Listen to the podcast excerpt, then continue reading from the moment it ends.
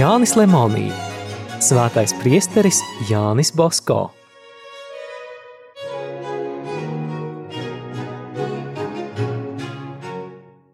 Mana atmiņa, paldies Dievam, man vienmēr kalpoja. Ko dzirdēju aulā no profesora lūpām, ar to man jau pilnīgi pietika. Tādēļ visu mācībām veltījamo laiku varēju izlietot grāmatu lasīšanai. Priekšniecība to zināja un man neko neteica. Vēl mums šīs svētā Jāņa Bosko atstātās atmiņas ir jāpapildina. No semināra draugiem mēs uzzinām, ka seminārists Bosko rūpīgi izstudēja baznīcas tēvus un doktorus, arī svēto Augustīnu un svēto Hieronīmu, bet sevišķi svēto Akvīnas Tomu. Četros pēdējos gados Jānis seminārā studēja svētos rakstus, izlietodams Kornēlija Alapido un Tirino komentārus. Viņš izlasīja arī Bolandistu svēto dzīves – Visas šīs grāmatas Bosko dabūja bibliotēkā, bet vasaras mēnešos no apkārtējiem prāvestiem. Dieva gādība šķiet bija tieši tā iekārtojusi, lai seminārists Bosko kādu laiku nepazītu baznīcas klasiķu skaistumu. Lūk, šiem sējumiem vajadzēja lielāku briedumu un dziļāku izglītību. Gimnāzijas audzēknim vai pirmā kursa semināristam tas nepiemīt. Prāta brieduma gados Jānis izstudēja seno romāņu klasiķus. Zināšanas par tiem viņam vēlāk ļoti noderēja, kad viņš kļuva vairāku audzināšanas institūtu dibinātājs un vadītājs. Priesteris Pekanīno, kas reizē ar Jāni beidza Kierī semināru, liecina, ka neviens no semināristiem nav tik pamatīgi izstudējis latīņu un grieķu literatūru kā Bosko. Arī otro kursu labi pabeidzis, Bosko atkal devās uz dzimtajām mājām, kur vecie draugi jau viņu nepacietīgi gaidīja. Kā parasti mājās dzīvodams, viņš visu brīvlaiku izmantoja lasīšanai, lauku darbiem, savu mazo draugu mācīšanai. Atmiņās par šo brīvlaiku atstāstīts kāds īpatnējs notikums. Šajā vasarā man gadījās nepatīkams piedzīvojums Butiljēro. Tur svētā Bartolomeja dienā notika atlaides. Mans tēvocis Matas, jau vecs, bet ļoti līksms cilvēks, uzaicināja mani ciemos un lūdza paņemt līdzi violi, ko es jau biju nolēmis nespēlēt. Aizgāju. Baznīcā bija ļoti skaists un svinīgs dievkalpojums. Pēc tā visi radinieki sapulcējās pie tēvoča pusdienās. Pamielojāmies, parunājāmies, viss bija kā nākas. Pēc pusdienām viesi mani nelika mierā, lūdzot, lai es kaut ko paspēlēju. Negribēju un taisnojos, ka viole palikusi mājās. Par to maza bēda, teica viens no viesiem, un pēc dažām minūtēm atgriezās nesdams violi. Tad mēģināja citādi atrunāties, bet neizdevās. Nu tad es vadīšu, viens no viesiem teica, bet jūs mani pavadīsiet. Biju vājš, nepratu atteikties. Spēlēju veselu stundu, pēc tam dzirdu, kaut kas mīdās.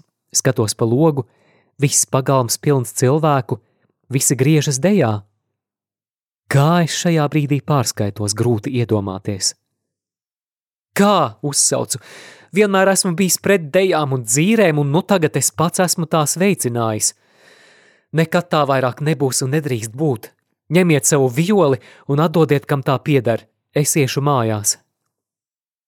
Pārnācis mājās, paņēmu savu violi, nometu to zemē un spēru ar kāju, lai izšķīst.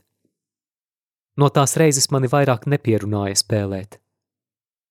Biju reiz apsolījis, to neizpildīju, bet tagad jāmācās solījumu pildīt. Tā nolēmu. Vēlāk vienam otram parādīju, kā viole jāspēlē, bet pats to vairs rokā nepaņēmu. Cits nepatīkams gadījums notika medījot. Rudenī skaistā laikā dažreiz ar šauteni, dažreiz ar cilpām un tīklu gājām medīt putnus. Kādu rītu biju nodomājis nomedīt zaķi. Aizgāju dažus kilometrus no mājām. Beidzot pamanīju zaķi un šāvu. Skrotis tam saplosīja abus sānus. Kad pienācu tuvāk un redzēju nedzīvu tik nevainīgu dzīvnieciņu, kas nevienam nedara ļaunu, man kļuva tik pretīgi, ka negribēju to vairs ņemt. Saskrēja draugi, priecājās un slavēja manu roku. paraudzījos uz sevi no malas un vēl vairāk noskaitos. Biju bez sutanas, atrotītām pieturknēm, ar salmu platmali galvā. Tie, kas mani tā ģērbušos, būtu redzējuši, spriestu, ka esmu kāds zaglis vai krāpnieks, bet ne seminārists. Saskaitos pats uz sevi, atvainojos draugiem par dusmām, atgriezos mājās un nolēmu nekad vairs neiet medībās. Šoreiz, paldies Dievam, to izpildīju. Kaut visaugstais piedotu man lielās dusmas. Redzēdams, ka cilvēka griba ir vāja un pārspēja visus labos nodomus, ja tā nav stingri iegrožota, sāku mīlēt vientulību un mieru. Jau no pieredzes zināju, ka dieva kalps un pasaules prieki ir divas pilnīgi nesaderīgas lietas. Taisnība šie prieki ne jau vienmēr ir grēcīgi, bet neviens neparādīs, ka dažādas runas, modes vai vaļīga izturēšanās, ja jau nu tieši neizdarīs ļauna, tad tomēr izkliedēs, un ļoti bieži tas ir kaitīgi sirds skaidrībai.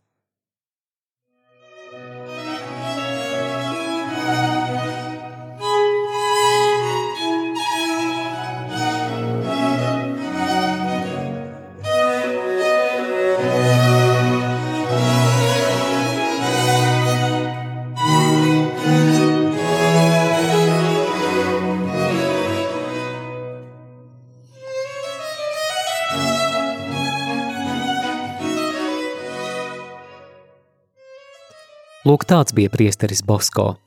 Vaļsirdīgs un patiesis. Visu mūžu viņš bija tāds. Savas kļūdas ļoti viegli pastāstīja citiem, bet savus tikumus, labos darbus viņš pats centās aizmirst.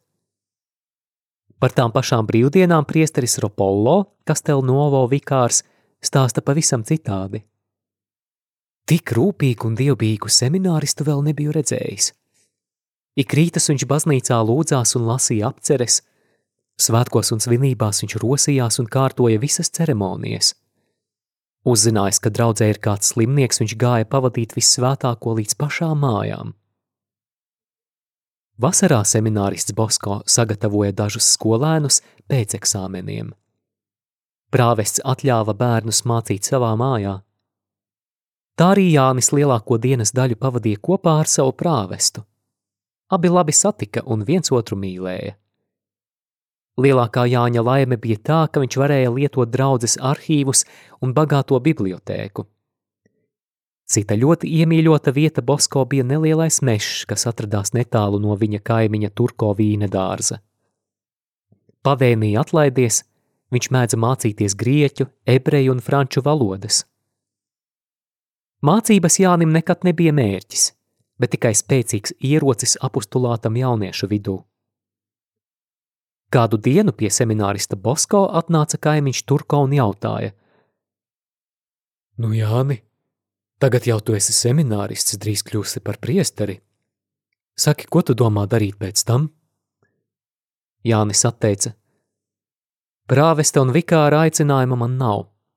Man patiktu mācīt un audzināt trūcīgos atstātos bērnus. Citu dienu seminārists savam kaimiņam pastāstīja, ka sapnī redzējis, ka viņam būs jānodarbojas un pilnīgi jāziedojas jauniešu audzināšanai, viņu dvēseļu pestīšanai. Tas būs bijis tas pats sapnis, ko Bosko stāstīja oratorijas bērniem 1858. gadā. Varbūt jau toreiz viņš redzēja tagadējo Salesiāņu kongregācijas centrālo iestādi. Mēs tā domājam, jo Jāņa Bosko laika biedrs priesteris Bosio pirmo reizi būdams Valdoko oratorijā 1890. gadā liecina. Viss, ko es te redzu, man nav nekas jauns. Priesteris Bosko vēl seminārā man visu šo iestādi aprakstīja tā, it kā to jau būtu skatījis savām acīm. Tomēr te der apstāties un atcerēties zīmīgus notikumus – Deviņu gadu vecumā priesteris Bosko saņēma savu īpašo aicinājumu. 16 gadu vecumā viņš uzzināja, ka viņa misijas realizēšanai būs nepieciešamais materiālais atbalsts. 19 gadu vecumā viņš saprata, ka viņam nav atļauts pieņemt vai nepieņemt providences lēmumus. Sākot 21. dzīves gadu viņš atklāja, par kuru sabiedrības slāņu bērnu dvēselēm viņam būs sevišķi jārūpējas. Dažus gadus vēlāk viņam jau kā pieaugušam vīrietim ir lemts lielā pilsētā Turīnā sākt savu apustulisko darbu, izaugt un nobriest dažādos darbos.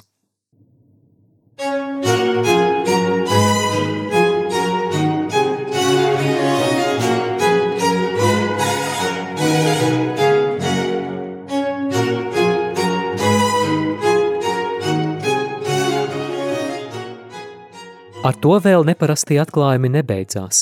Tālāk redzēsim, ka tie pakāpeniski īstenosies. Oktobrī seminārists Jānis Basko bija ielūgts uz Alifāno draudzi svētā rožkroņa svētkos teikt sprediķi. Viņš tam nepiekristu, ja priesteris Cincāno nebūtu viņu piespiedis. Jānis droši vien jutās laimīgs, ka savu pirmo sprediķi viņš varēja veltīt dievmātei, kas viņu sapnī bija vadījusi un rādījusi turpmāko ceļu.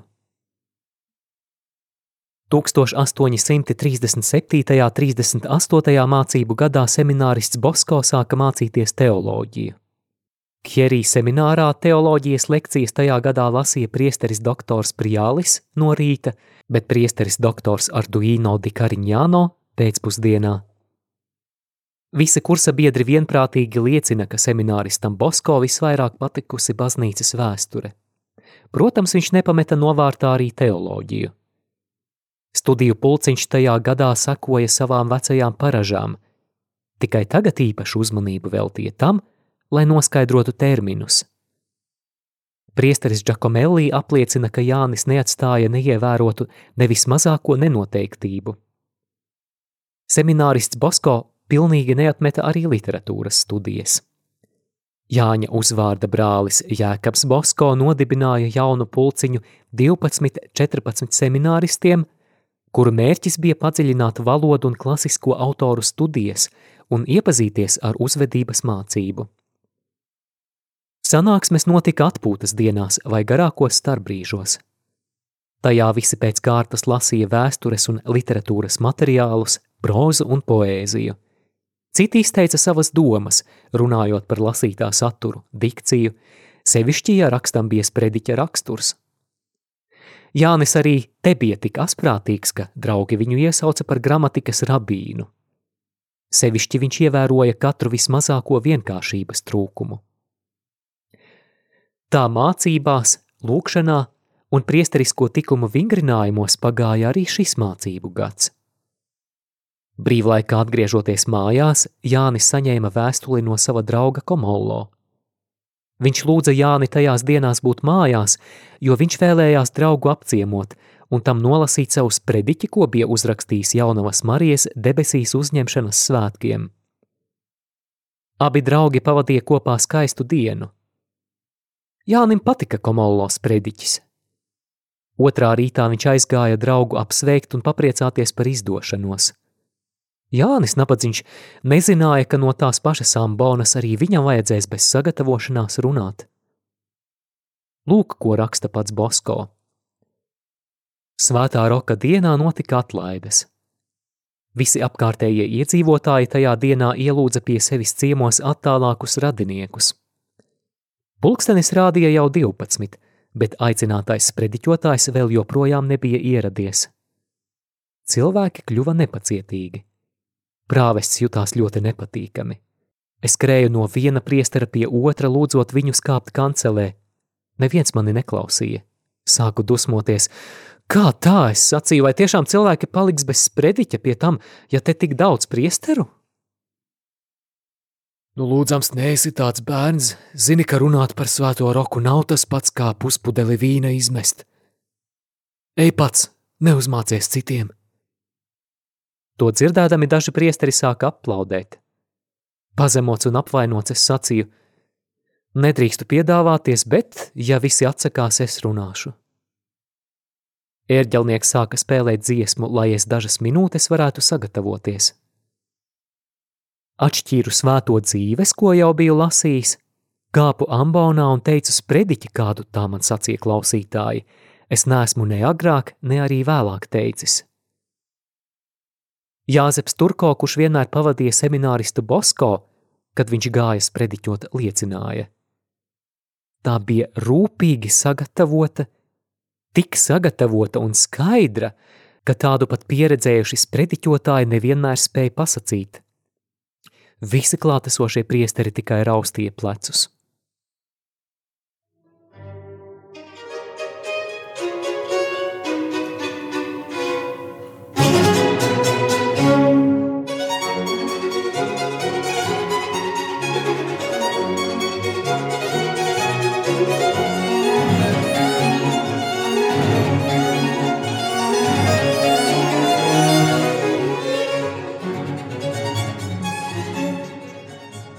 Līdzīgi notika vēl citās atlaidās, Pečeto pilsētiņā. Beidzot dievkalpojumu prāvests uzzināja, ka aicinātais runātājs sasirdzis un nevarot ierasties. Neviens priesteris negribēja viņu aizstāt. Nevarēdams pierunāt priesterus, prāvests pasauca semināristu Bosko un stingri viņam teica: Tev jāiet!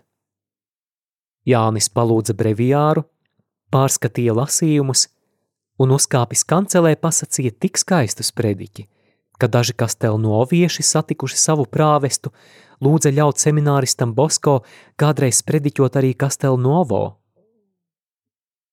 Ko pats seminārists Bosko domāja par saviem sprediķiem? Lielīdams sava drauga Komollo daļrunību, viņš par sevi raksta Beidzis trešo kursu sacīju sprediķi Dievmātes dzimšanas svētkos Kapriljo draudzē – Nezinu, kādi bija šīs prediķa augļi. Tikai atceros, ka visi mani slavēja.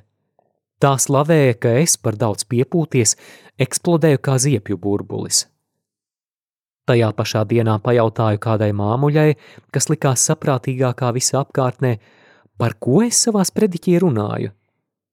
Ai, kundziņ, kāds sprediķis, tu skaisti gan runāji par dvēselēm šķīstītavā. Bet es biju runājis par jaunavu Mariju. Kā ar slotu pācīm dabūjis, pajautāja mācītam cilvēkam, Alifāno prāvestam priesterim Jāzepam Pelato, ko viņš domā par manu sprediķi. Jūsu mācība, viņš atteica, bija skaista, sakārtota, pareizā un tīrā valodā. Dažādi variēta svēto rakstu piemēriem, no jums izveidosies spēcīgs sprediķotājs. Kas zina, vai cilvēki saprata? Vāji! Pilnīgi sapratu tikai es, mans brālis, priesteris un varbūt vēl kāds cits. Kā tā liekas, vajadzēja saprast tik vienkāršas patiesības? Jums tās liekas vienkāršas, bet vienkāršiem cilvēkiem tās ir sarežģītas. Ja sprediķotājs sāk, piemēram, komentēt baznīcas vēsturi, ciema cilvēki neko nesaprot, Ko tad jūs man iesakāt darīt? Atmest klasisko valodu, filozofisko domu izteiksmi, runāt vietējā dialektā, vai, ja tas sprediķotājam svešs, tad itāliski. Bet pavisam vienkārši. Bet prātojumu un secinājumu vietā ieteicu lietot daudz piemēru, līdzību un vieglus, gleznainus dialogus. Tomēr vienmēr jāatcerās, ka lauku cilvēki maz saprot sprediķus – tāpēc tiem katrā izdevīgā gadījumā vajag skaidrot ticības pamatpatiesības. Šie tēvišķie padomi man kļuva par regulu. Vēl ar vienu atceros šos sprediķus tikai kā negodu sev.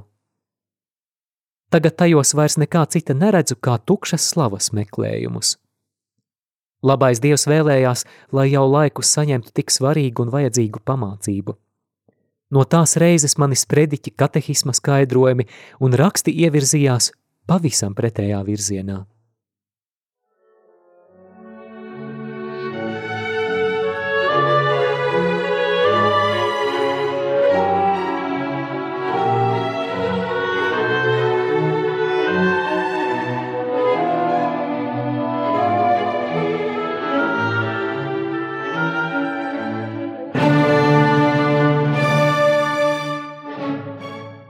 Pēc kāda laika seminārists Bosko aizgāja pie Cincāno, lai apciemotu draugu Aloīzu.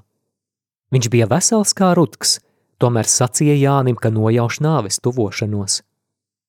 To pašu viņš teica arī savam tēvam, kad no tā rudenī braucot uz semināru atsveicinājās. 1838.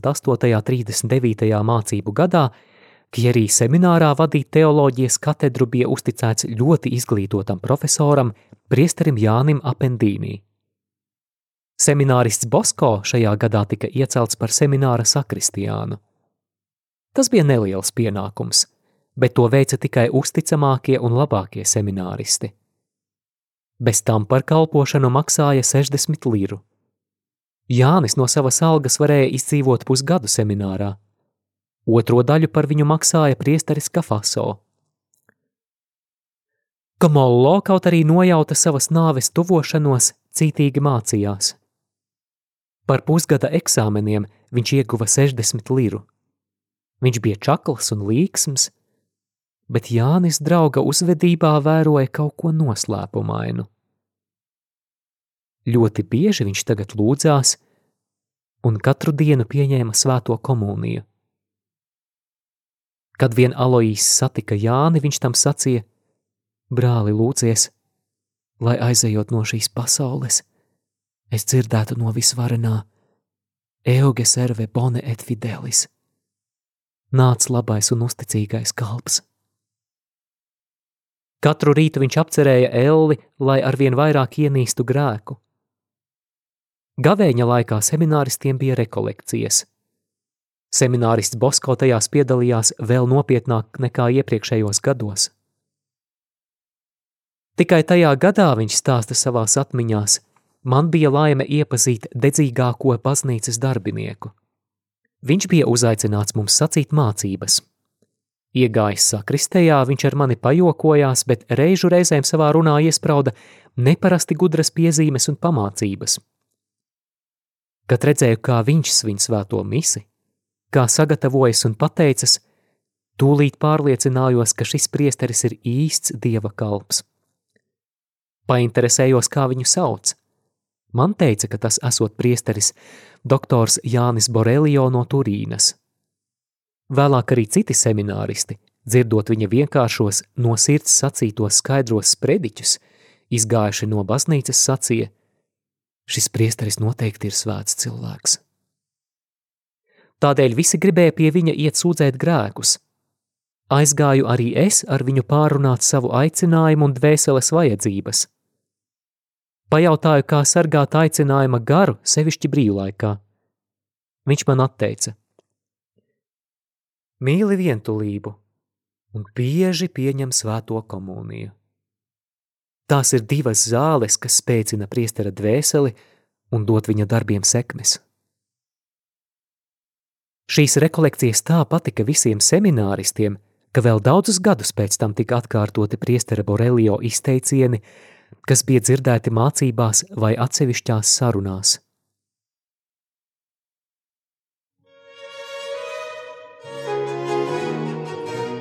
Izskanēja lasījums no Jāņa Lemonija grāmatas Svētais priesteris Jānis Bosko.